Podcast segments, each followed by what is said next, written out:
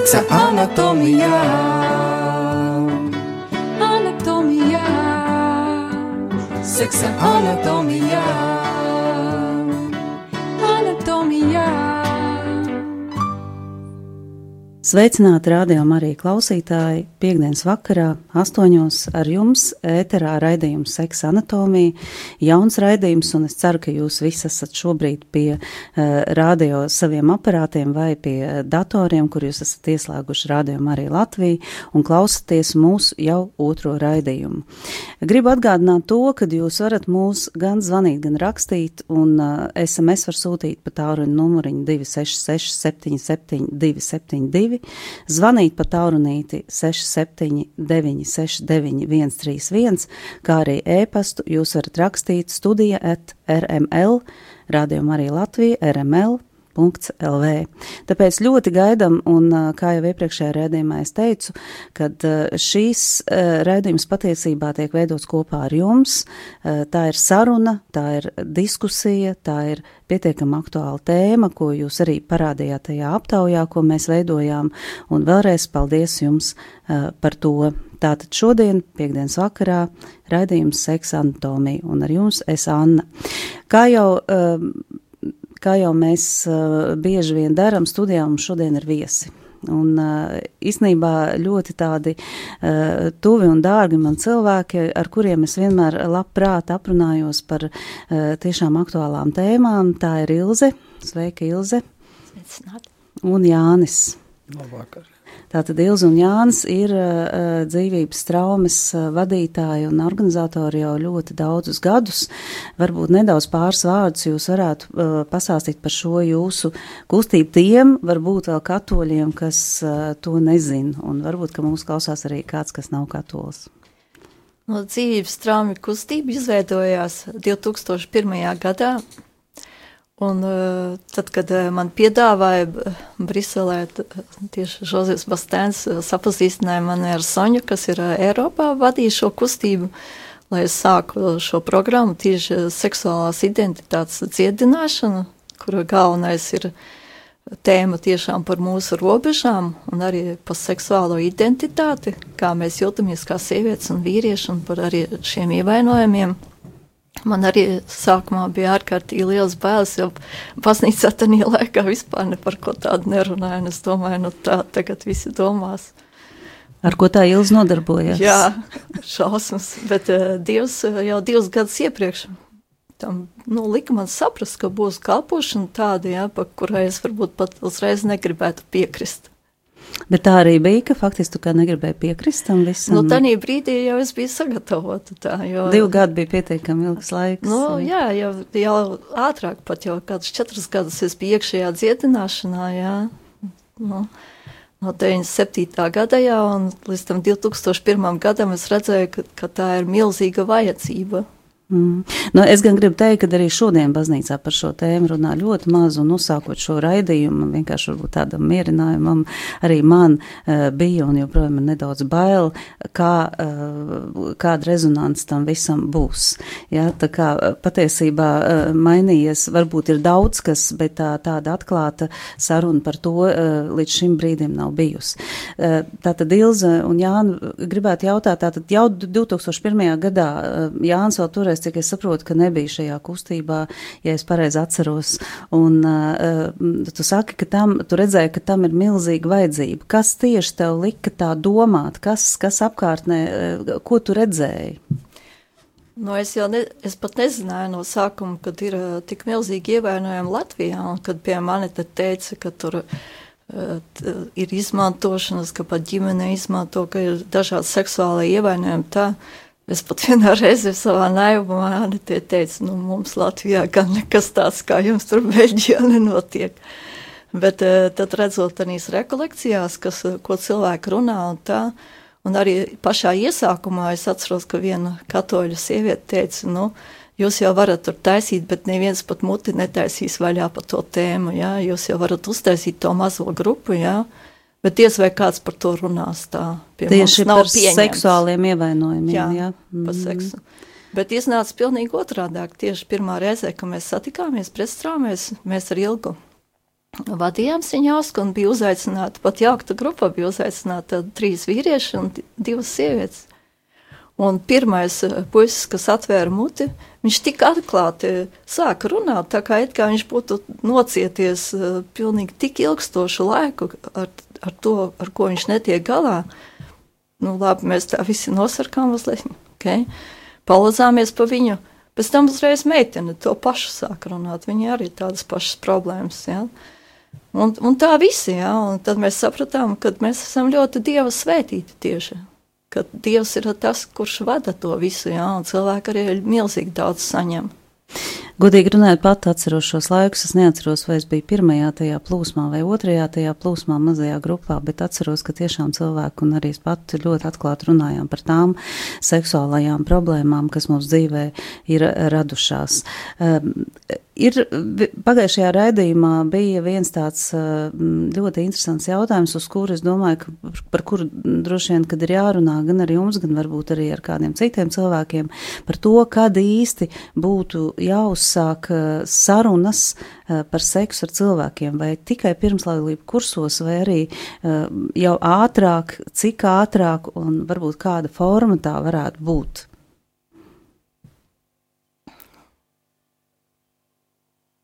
Nu, manuprāt, eh, tagad eh, bērniem tik ātri tiek atņemta jau viņa šķīstība. Un tas notiek varbūt vienā acu mirklī, kad eh, viens pirmklasnieks otram parāda vienkārši kaut kādu tur telefonā, kaut kādu failu, ja, kurā notiek pilns seksuāls akts, ja, un tas otrs ir bērns tā ievainots, ka viņš vispār, ja viņš nerunās ar vecākiem par to, ja, viņš varbūt vispār izaugs un nebūs spējīgs vispār uz nekādām attiecībām. Un, un tāpat tās eh, televīzijā, ko tur rāda tagad, jā, tas ir nu, daudz ātrāk, es domāju, nekā mēs augām. Jā, tas notiekās daudz ātrāk. Jā, un līdz ar to es domāju, ka vecākiem ir jārunā eh, nu, vismaz, lai aizsargātu, lai viņi būtu sagatavoti šokam. Vecākiem būtu jārunā ar bērniem, bet bieži Jā. vien jau ir tā uh, lielākā problēma, ir tā, ka vecāki paši ir patiesībā ļoti ievainoti šajā ziņā, un viņi ne tikai nemāk, bet viņi baidās pat savā starpā pārunāt šīs lietas, uh, kur nu vēl saprast, kā piemēram ar 5, 6, 7, 8 gadīgu bērnu atklāt un godīgi to visu pārunāt. Nu jā, bet tagad tā situācija ir ļoti smaga, jā to bērnu var kāds uz ielas uh, aiztikt. Pie mums ļoti daudz atnāk dzīves traumēs, ja, kuri varbūt nav tieši bijuši izmantoti vai kaut kā nu, seksuāli, bet arī pašā laikā pilnīgi katra no sievietēm ir redzējusi kaut kādus rādītājus tur, kad vīrieši vai ne, vai, vai aiztikti, jā, un pušiem ar tas pats ir, jā, tā kā, nu, es domāju, ka uh, seksuālā, nu, kā sacīt, ievainotība nav tikai tad, kad es esmu tieši kaut kādā veidā izmantots vai izvarots, vai es nezinu kas, jā, bet arī jebkāda aizskaršana ar vārdiem, ar emocijām, jā, vai pat arī ar acīm, ka es esmu kaut ko redzējis, jā, tas ļoti ievaino. Un tas ir neaizmirstami pie tam vēl. Ļoti. Varbūt Jānis kā vīrietis kaut ko var pateikt no šīs puses, jo vīriešu un sieviešu domāšana jau uh, drusciņi, drusciņi tomēr atšķirās tas skatījums.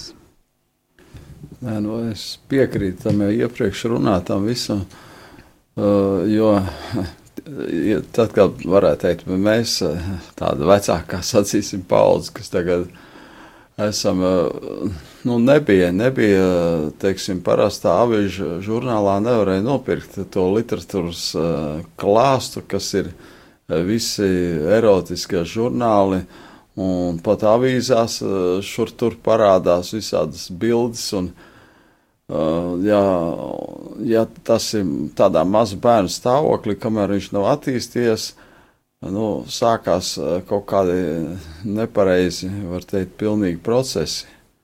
Sākās jau, jau tāda nepareiza, tāda grēcīga izpratne par, par, par var teikt, dievu lietām, kam jānotiek tīrā, normālā veidā.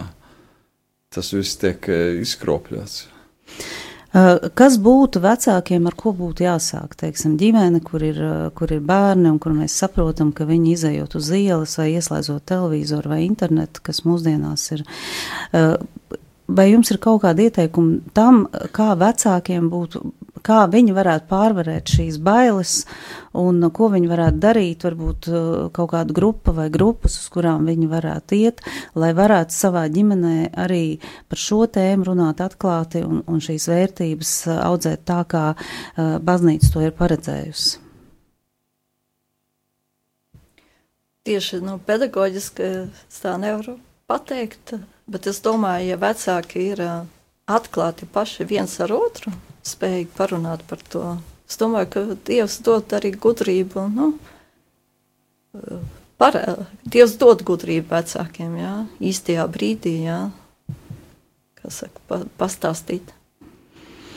Eh, kādi eh, pēc tam, kādas sekas mēs pēc tam redzam tam, ja, teiksim, šīs lietas nav eh, līdz galam izrunātas, izprastas un varbūt nav šīs atgriezniskās saites visam tam, ko jūs abi varbūt minējāt. Šīs ir tādas varbūt pornogrāfiskas bildes, aizkaršanas, neizpratne, kur ir robežas, ja? kādas tam pēc tam var no, būt sekas? Šīs sekas ir briesmīgas, jā, ka cilvēki tā tad klusē 40, 50 gadus, 30, jā, un atnāk uz programmu, un, un tad uh, kaut kāda pēkšņi viņiem svētais gars liek runāt, un viņi saka, es, es negribu to teikt, tāpēc, ka tas nekad es nevienam, es esmu sev nozvērējies, ka es nekad to neteikšu, bet tagad es to nu, nevaru vairs paturēt pie sevis, jā. Tā tad uh, Tātad eh, tas nav bijis eh, runāts mājās, jā, un līdz ar to bērns nedalās ar to, kas ar viņu noticies. Jā, līdz ar to tās sekas ir uh, traģiskas vienkārši.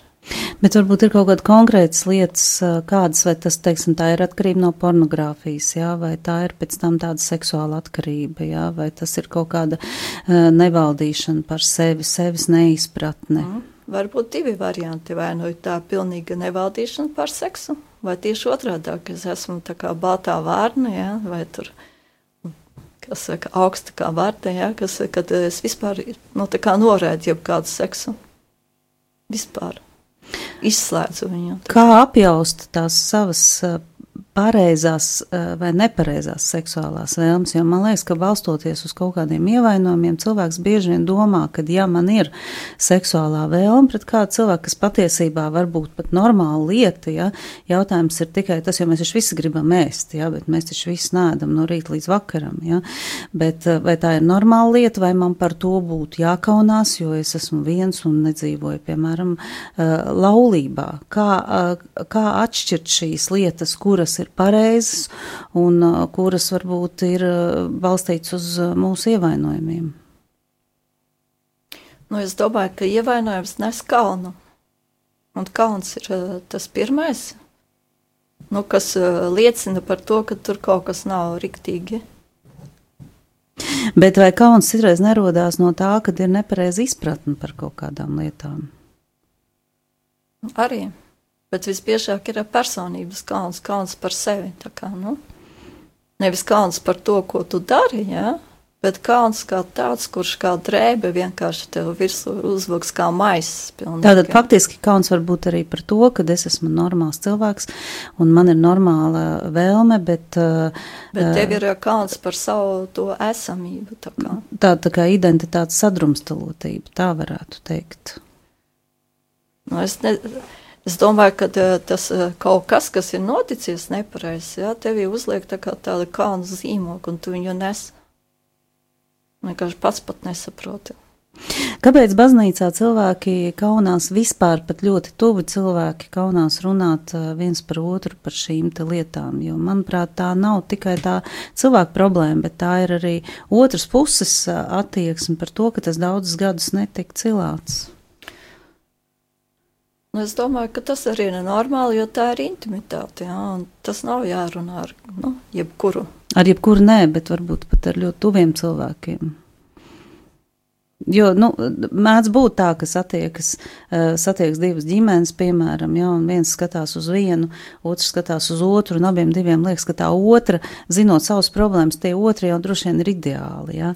Nu, es domāju, ka tas arī pat nevajadzētu runāt, nu, starp ģimenēm, varbūt tas pat ir, jābūt kaut kādai speciālai programmai vai kaut kas tāds, ja, jo tādas lietas, ja, arī šī programma dzīvības traumas, viņa sākās ārpus baznīcas vai ārpus draudzes, pareizāk sakot, nevis baznīcā, bet mm -hmm. ārpus draudzes, mm -hmm. jā, lai nebūtu tā, ka tu izrisini kaut kādas problēmas savā draudzē, un tad tie pārējie zina, ko tu tur risini, jā, un skatās uh, jocīgi uz tevis.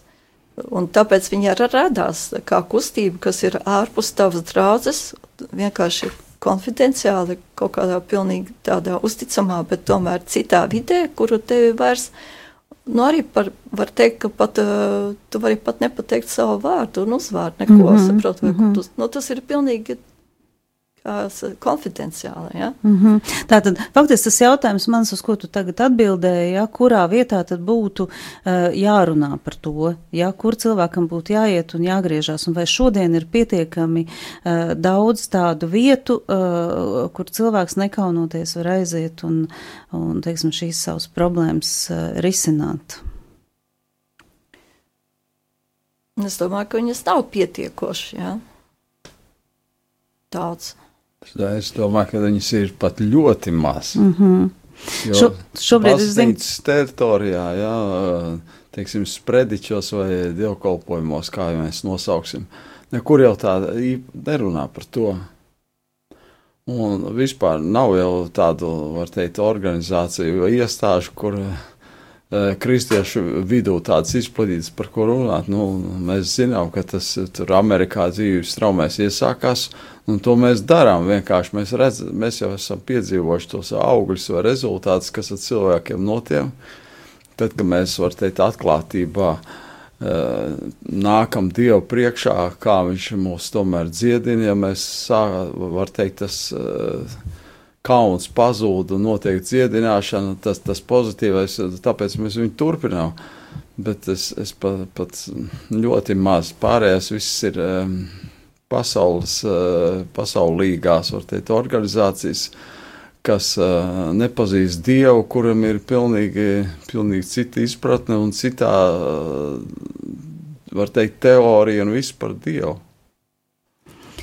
Tātad, varbūt, kad jūs varat arī, mums ir, mums ir jautājums, bet par jautājumu uz jautājumu mēs atbildēsim pēc nelielas mūzikas pauzes. Šobrīd varbūt vēl pirms mūzikas pauzes jūs varat izstāstīt par to programmu, kas sākas tagad un to līdz jums tagad sākas programma. Jā, mums tagad sākās programma tieši par šo seksuālo identitāti. Tas būs otrdienās, 30 reizes līdz pat maijam. Uh, katru nedēļu otrdienu pulkstens septiņos klostra ielā četri, mm -hmm. pirmajā stāvā. Un tā ir speciāli izstrādāta programma, kurā eh, neviens nav spiests runāt. Jā, tas ir uzticības jautājums. Jā, un maz pamaz arī katru reizi ir eh, slavēšana, lekcija neliela un arī pēc tam mazās grupas tādas dinamiskās. Bet, nu, faktiski tā ir tā seksuālās identitātes dziedināšanas Jā. programma. Un uh, vēl es gribu piebilst vēl pirms mūzikas pauzītes, ka noteikti es arī iesaku šo programmu apmeklēt, jo tā arī man ir devusi ļoti lielu dziedināšanu.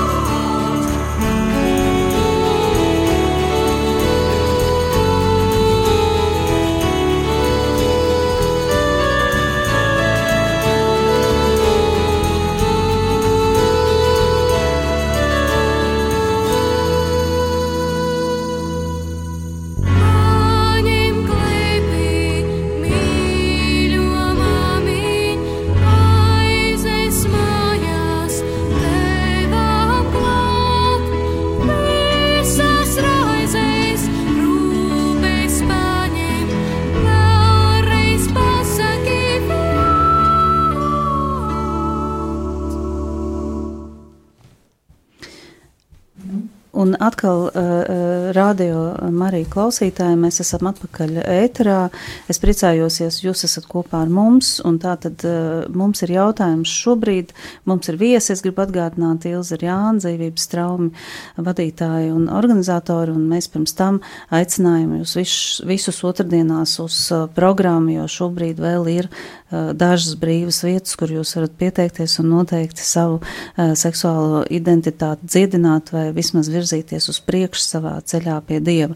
Bet mums ir uh, jautājums, kā vajadzētu runāt ar kādu, kurš ir piedzīvojis kādu traumu saistītu ar seksualitāti. Piemēram, ja redz šādu cilvēku uh, draudzē. Uh, nu, uh, es gan gribētu gan pajautāt arī jautātājiem, vai šis cilvēks uh, ir lūdzis palīdzību. Tā man arī liekas ir ļoti svarīga lieta. Ilzi, kā tu domā?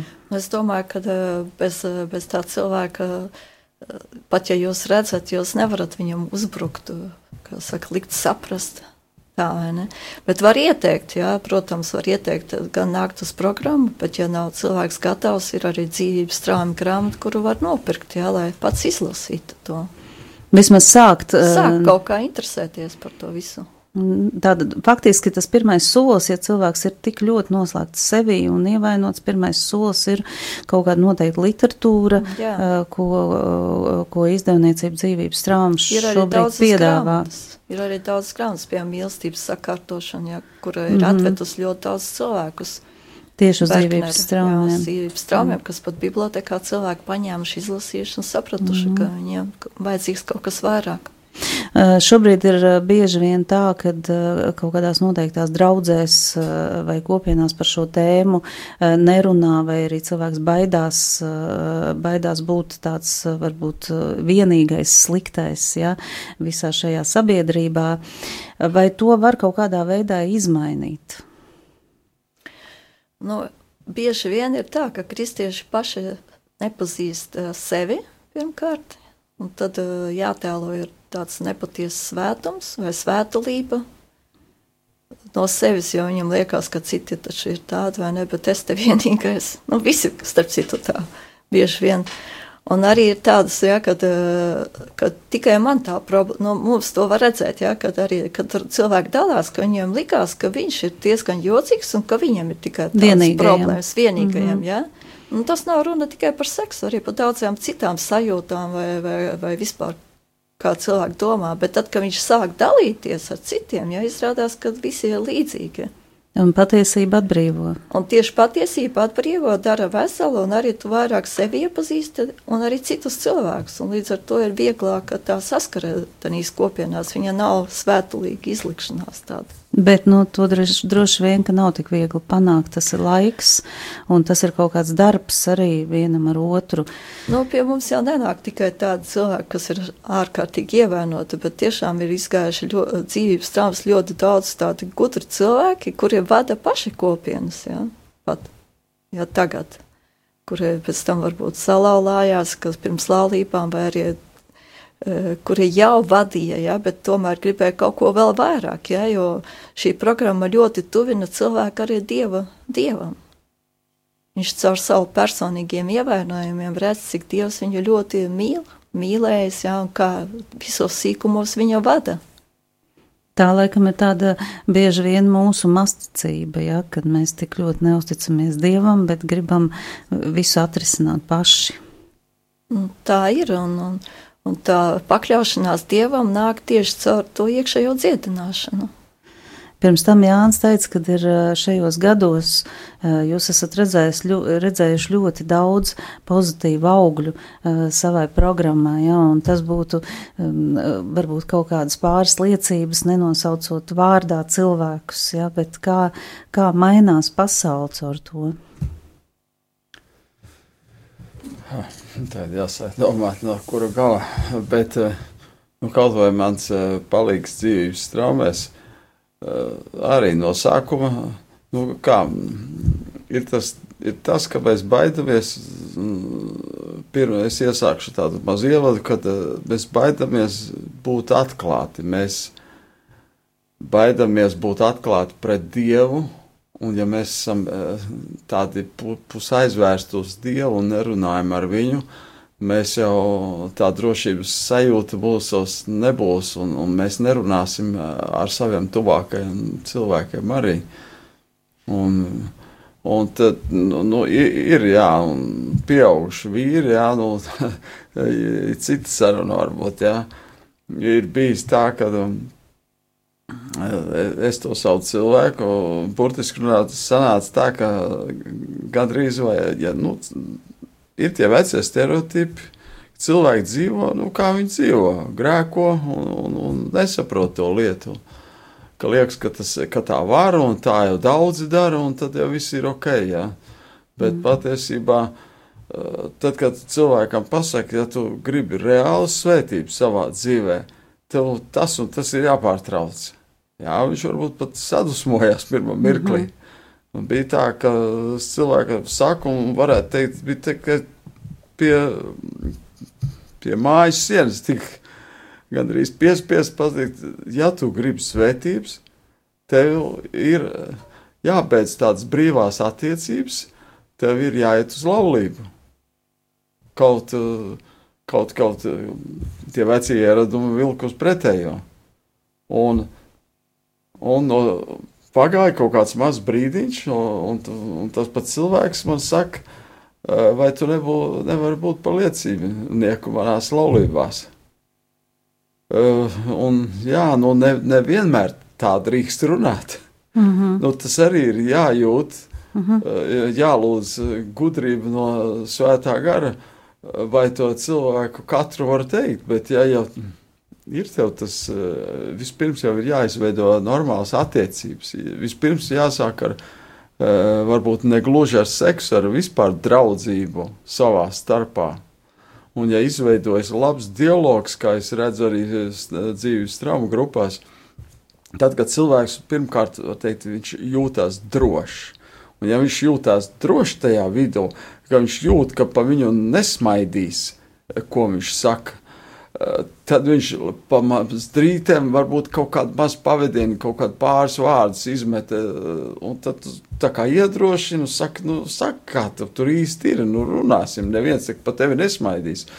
O, mēs te visi esam visu kaut kam izgājuši cauri, un ja tu cilvēki tādā veidā, tā kā drošībā tā lēnām ieved, tas ir normāli, ka mēs uh, dalamies ar savām tādām grūtībām, Eh, vai, vai, vai, vai par lietām, ko mēs ikdienā nerunājam, tad viņš sāk lēnām runāt. Tad mēs eh, nevis vienkārši apspriežam, bet, eh, saka, bet runājam to, ko gribētu Dievs, kā, ko Jēzus ir paredzējis. Un vai mēs, ja mēs gribam Dievu svētību viscaur un, un, un savā dzīvē, nu, tad mums ir jāmaina tie visi paradumi, eh, paradumi un grēcīgie eh, domāšanas stili. Un eh, viss jāpārorientē tādā dieva acu skatienā. Nu, citādi es neredzu. Nu, jābūt drošai vietai, jo par seksu neviens nerunās baznīcas vidū. Tas ir pilnīgi izslēgts. Nu, tad mēs vismaz varam dzīvības traumēs un arī e, šajā raidījumā nedaudz tam pieskarties. E, es patiesībā sadzirdēju ļoti svarīgu lietu, Jāni, par to, ko tu šobrīd teici, kad cilvēkiem mūsdienās par patiesām un pareizām lietām vienkārši trūkst informācijas un trūkst skaidrojuma, kāpēc e, mēs nevaram, piemēram, dzīvot brīvās attiecībās, ja, jo visi tā dara, ja, tad kāpēc baznīca grib, lai mēs uzņemamies tās saistības, ja, vai tur runāt par daudzām citām lietām. Eh, vai jūs piekrītat tam un varbūt kaut, kaut kā var pakomentēt? Kā informācija, tieši tāda pareiza informācija var cilvēku dziedināt? Ne jau informācija dziedina cilvēku, jā, bet tieši tās, attieksme, tieši tās attiecības ar Dievu. Jo tikai informācija jā, vai moralitāte, jā, ka mēs te moralizēsim, ka pareizi ir tā, un tur baušļi ir šitā un tam līdzīgi, jā, neviens no tā neizmainīsies, jā. Bet izmainās tad, kad uh, attiecības ar Dievu kļūst tik dārgas, jā, ka tu nevēlies zaudēt Dieva mīlestību. Tu nevēlies, vienkārši tu gribi vairāk, vēl vairāk piedzīvot Dieva mīlestību, vēl vairāk, vēl dziļākas attiecības, jau vēl brīvākam kļūt, jā. Ja? Kā saka, naktī pavi, pamostoties vienkārši būt sajūsmā par savu Dievu. Un tās ir attiecības, jā. Un, un ļoti daudz cilvēku uz dzīves traumēm atnāk, kad viņiem šīs attiecības ir no Dievs, Dieviņš vai vispār viņu mm -hmm. nav šo, šo attiecību, jā, tāda īsta, jā. Un tad viņi pamazām caur šo izrunāšanu, šo savu ievainojumu atvēršanu Dievam, uh, vai arī pat bieži vien pat ir sacelšanās, ja, kad ir pacelta kāja pret Dievu vispār, ja, tāpēc, ka dzīvē noticis tas un tas un tas, ja, ka tu esi samier, sācis samierināties, ka tu redzi, cik eh, caur to, kas jau ar tevi ir noticis, ka tu redzi, cik ļoti viņš tevi mīl, ka tu ie, pēkšņi tā kā ieraugi, pilnīgi acis atverās, cik ļoti Dievs mani mīl, un tad ir spēja arī atbildēt Dieva mīlestībai, un kad ir spēja atbildēt Dieva mīlestībai, tad arī to vēlēs vēl lielākas svētības iegūt. Tātad faktiski, ja mēs esam ar Dievu, tad mums ne no kā nav jābaidās. Nu, jā, bet uh, būt ar Dievu tas nozīmē ļoti dziļas, intīmas un attiecības tādas, kurās tu esi sajūsmā par Dievu, sajūsmā par to, ko Jēzus priekš tevis izdarīja, sajūsmā par krustu, nāvi pat. Jā, tā kā Karofers kādreiz teica, Viņš runāja ar Jēzu, un Jēzus saka, tu esi apmierināts, ka es esmu šeit uz krusta miris par tevi. Ja? Karafers, eh, kas uzrakstījis, eh, ir jāsaka, iznest nu, par slavēšanu. Ja? Kāds viņš teica, es, smējos par to no prieka, tāda iekšēja prieka, svētā gara priekā par to, ka Dievs ir pa mani miris un augšām cēlies. Un ka viss ir uznests uz krusta, visi ievainojumi uzrust uz krusta. Jānis minēja to, ka nevajadzētu sākt attiecības uh, ar seksu, jo tas uh, noved mūs pie nepareizām lietām. Kāpēc šodien cilvēki tomēr to dara arī baznīcas vidū un uh, kas, kas, kas ir tās bailes, kas uh, liek, uh, liek mums faktiski darīt to, uh, kas bieži vien ir pret mūsu gribu, īpaši tajos pāros, kur viens ir ticīgs cilvēks, otrs nav ticīgs cilvēks, un, un, un vienam ir tāda uzskata, un, un parasti jau tas viss tā aiziet tajā virzienā, kas ir pa labu pasaulīgam uzskatam, diemžēl. Nu, pirmkārt, jau tās ir bailes bieži vien palikt vienam. Nu, cik tā, nu, tas ir, tā ir tāda, kā es redzu, ienaidnieku stratēģija. Viņš jau no iesākuma melis. Viņš saka cilvēkiem, čuks tausīs, tu paliksi viens.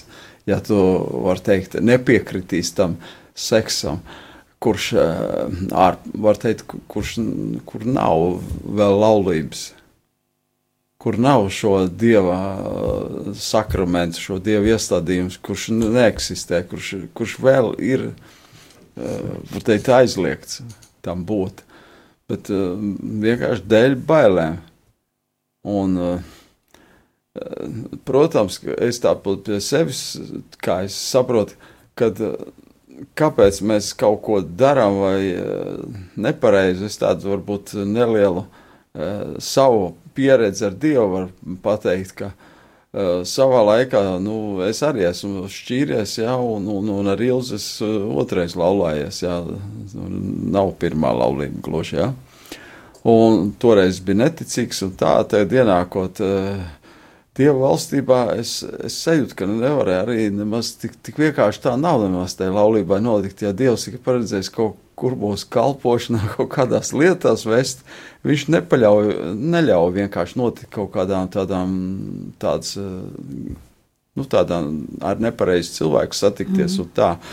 Un vienā brīdī bija tā, ka ārā jau, nu, kamēr es tuvojos Dievam, ar vien vairāk sapras, sapra, sāku saprast viņa gribu vai, vai kāds viņš ir, ko viņš grib no manis, jā. Ja? Un šīs attiecībās tuvākās pieauga.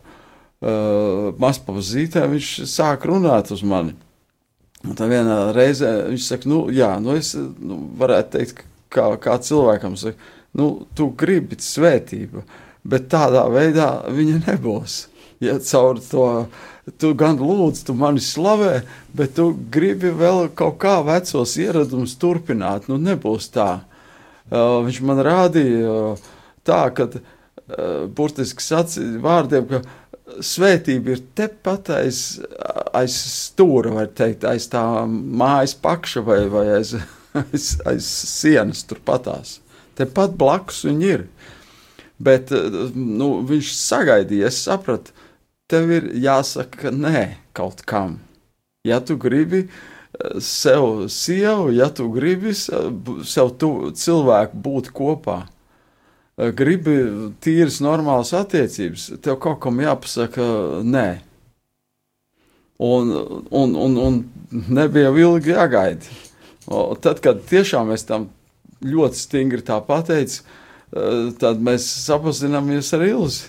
Ļoti skaista Tas... liecība, un man liekas, ka jūsu gadījums ir īpaši ir tāds svarīgs šajā ziņā, jo arī Ilzē, cik es zinu, tā nebija pirmā laulība, un patiesībā, ja pirms tam man tā liekas, varbūt, ka man nav taisnība, ja pirms tam ir bijušas šīs seksuālās attiecības, tad turēties tam pretīm ir īpaši grūti pirms laulības, vai tā ir? Nu, tā ir. Nu, to nevar teikt, ka mums bija laulība. Ja? Tad kaut mm -hmm. kas mhm. tiks jaukts, ja? jo tur nebija nekāda sakara ar Dievu. Ja? Kad, tad, kad es precējos, mēs bijām pilnīgi neticīgi, un arī Jānis. Ne? Bet uh, par ko tu man prasīji? Vai ir viegli gaidīt no. Nu. līdz laulībām, ja pirms tam jau ir bijusi šī no, nu, seksuālā pieredze? Es domāju, ka ir kas... grūti vispār piemēram, arī pēc šķiršanās ļoti grūti ir noturēties šķīstībā. Jā, mm. Īstenībā, tad, kad eh, es atgriezos, eh, dažus gadus pēc eh, tā, kad es izšķīros, tad es arī tikai atgriezos, un tad 17 gadus es cīnījos, lai būtu šķīstībā vispār. Tas nozīmē, ka neskatījos tur romantiskas filmas, žurnāls nešķirstīja. Jā, Par to mums vajag atsevišķu raidījumu, milz, jo tā ir jā. milzīga problēma, man liekas. Nu, tā ir uh, milzīga problēma, bet uh, tā kā man bija tāda personīga šķīstības solījums, man tā liekas, ka tas man palīdzēja noturēties, jā, tā. Tiešām, Solījumu bieži vien tur Dievs un, un no mēs, Dievs viņus jā, turēja, jā, nevis es jā, turēju, bet Dievs ir. man iedvesmoja, Peķuši tās pieņēma šo solījumu un, un, un viņš man turēja.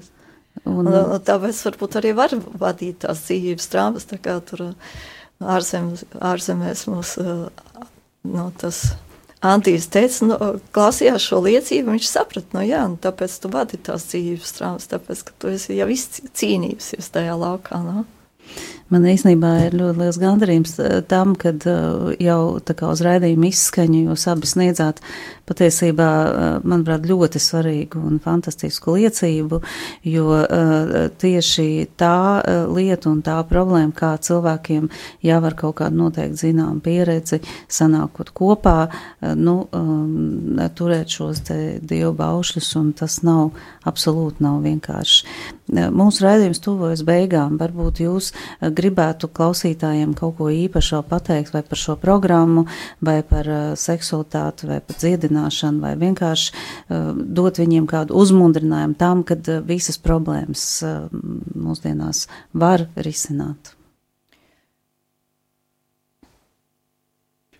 Nu, viņus var risināt no savas puses, teikšu, ar dieva palīdzību.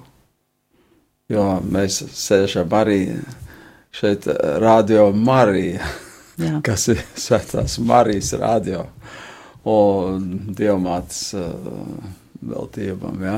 Un, uh, uh, tikai tad, kad ir dievs, tad mēs varam, ja viņš mums ir, te, te jau kā izskanēja, ja viņš mums ir vērtīgs, tad mēs sākam meklēt visu kaut ko un, un, un piekrītam arī pateikt nē grēkam, Ja viņš mums ir, eh, jo Dievs jau mums eh, nav tā, kā viņš mūs aplaupa vai atņem.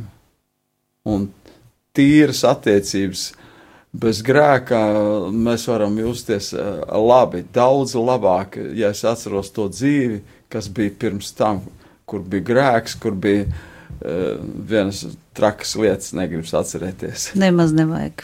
Ilza, tu arī kaut ko grib teikt? Es domāju, ka uh, ir vērts pamēģināt uh, nomēģināt, eh, tiešām baudīt uh, to dzīvi, ja, kura ir uh, nu, tāda liela brīvība, ja, un kur tu esi pats, kurā tev nav jānēsā nekādas maskas. Kad arī kad tev ir caurspīdīgums, jā, un kad tur gultā vai toaletē, tu esi tas pats, kas uz skatuves, jā, vai tur uz ielas, jā, vai citu cilvēku priekšā. Jā. Vienkabalēns, tu esi vienkabalēna personība kā tāda. Jā. Nevis, ka tev ir tur tu tāds, esi tur atkal šitāds, jā, un tad tur tam atkal tā ir. Tā ir liela brīvības sajūta un liela laime vispār apzinoties to, ka Dievs ir arī guļam istabā vienmēr, vienmēr klātesošs. Vienmēr. Jā, arī gan šīstībā, gan tu esi grēkā. caurspīdīgs jā. pats. Tu esi caurspīdīgs. Jā.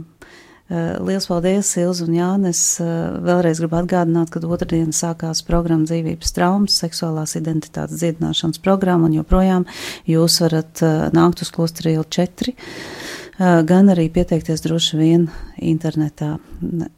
Www.dzīvībestraumas.lv www.dzīvībestraumas.lv Paldies, Radio Marija klausītāji! Tiekamies pēc divām nedēļām pulkstens astoņos vakarā raidījumā Seksa anatomija.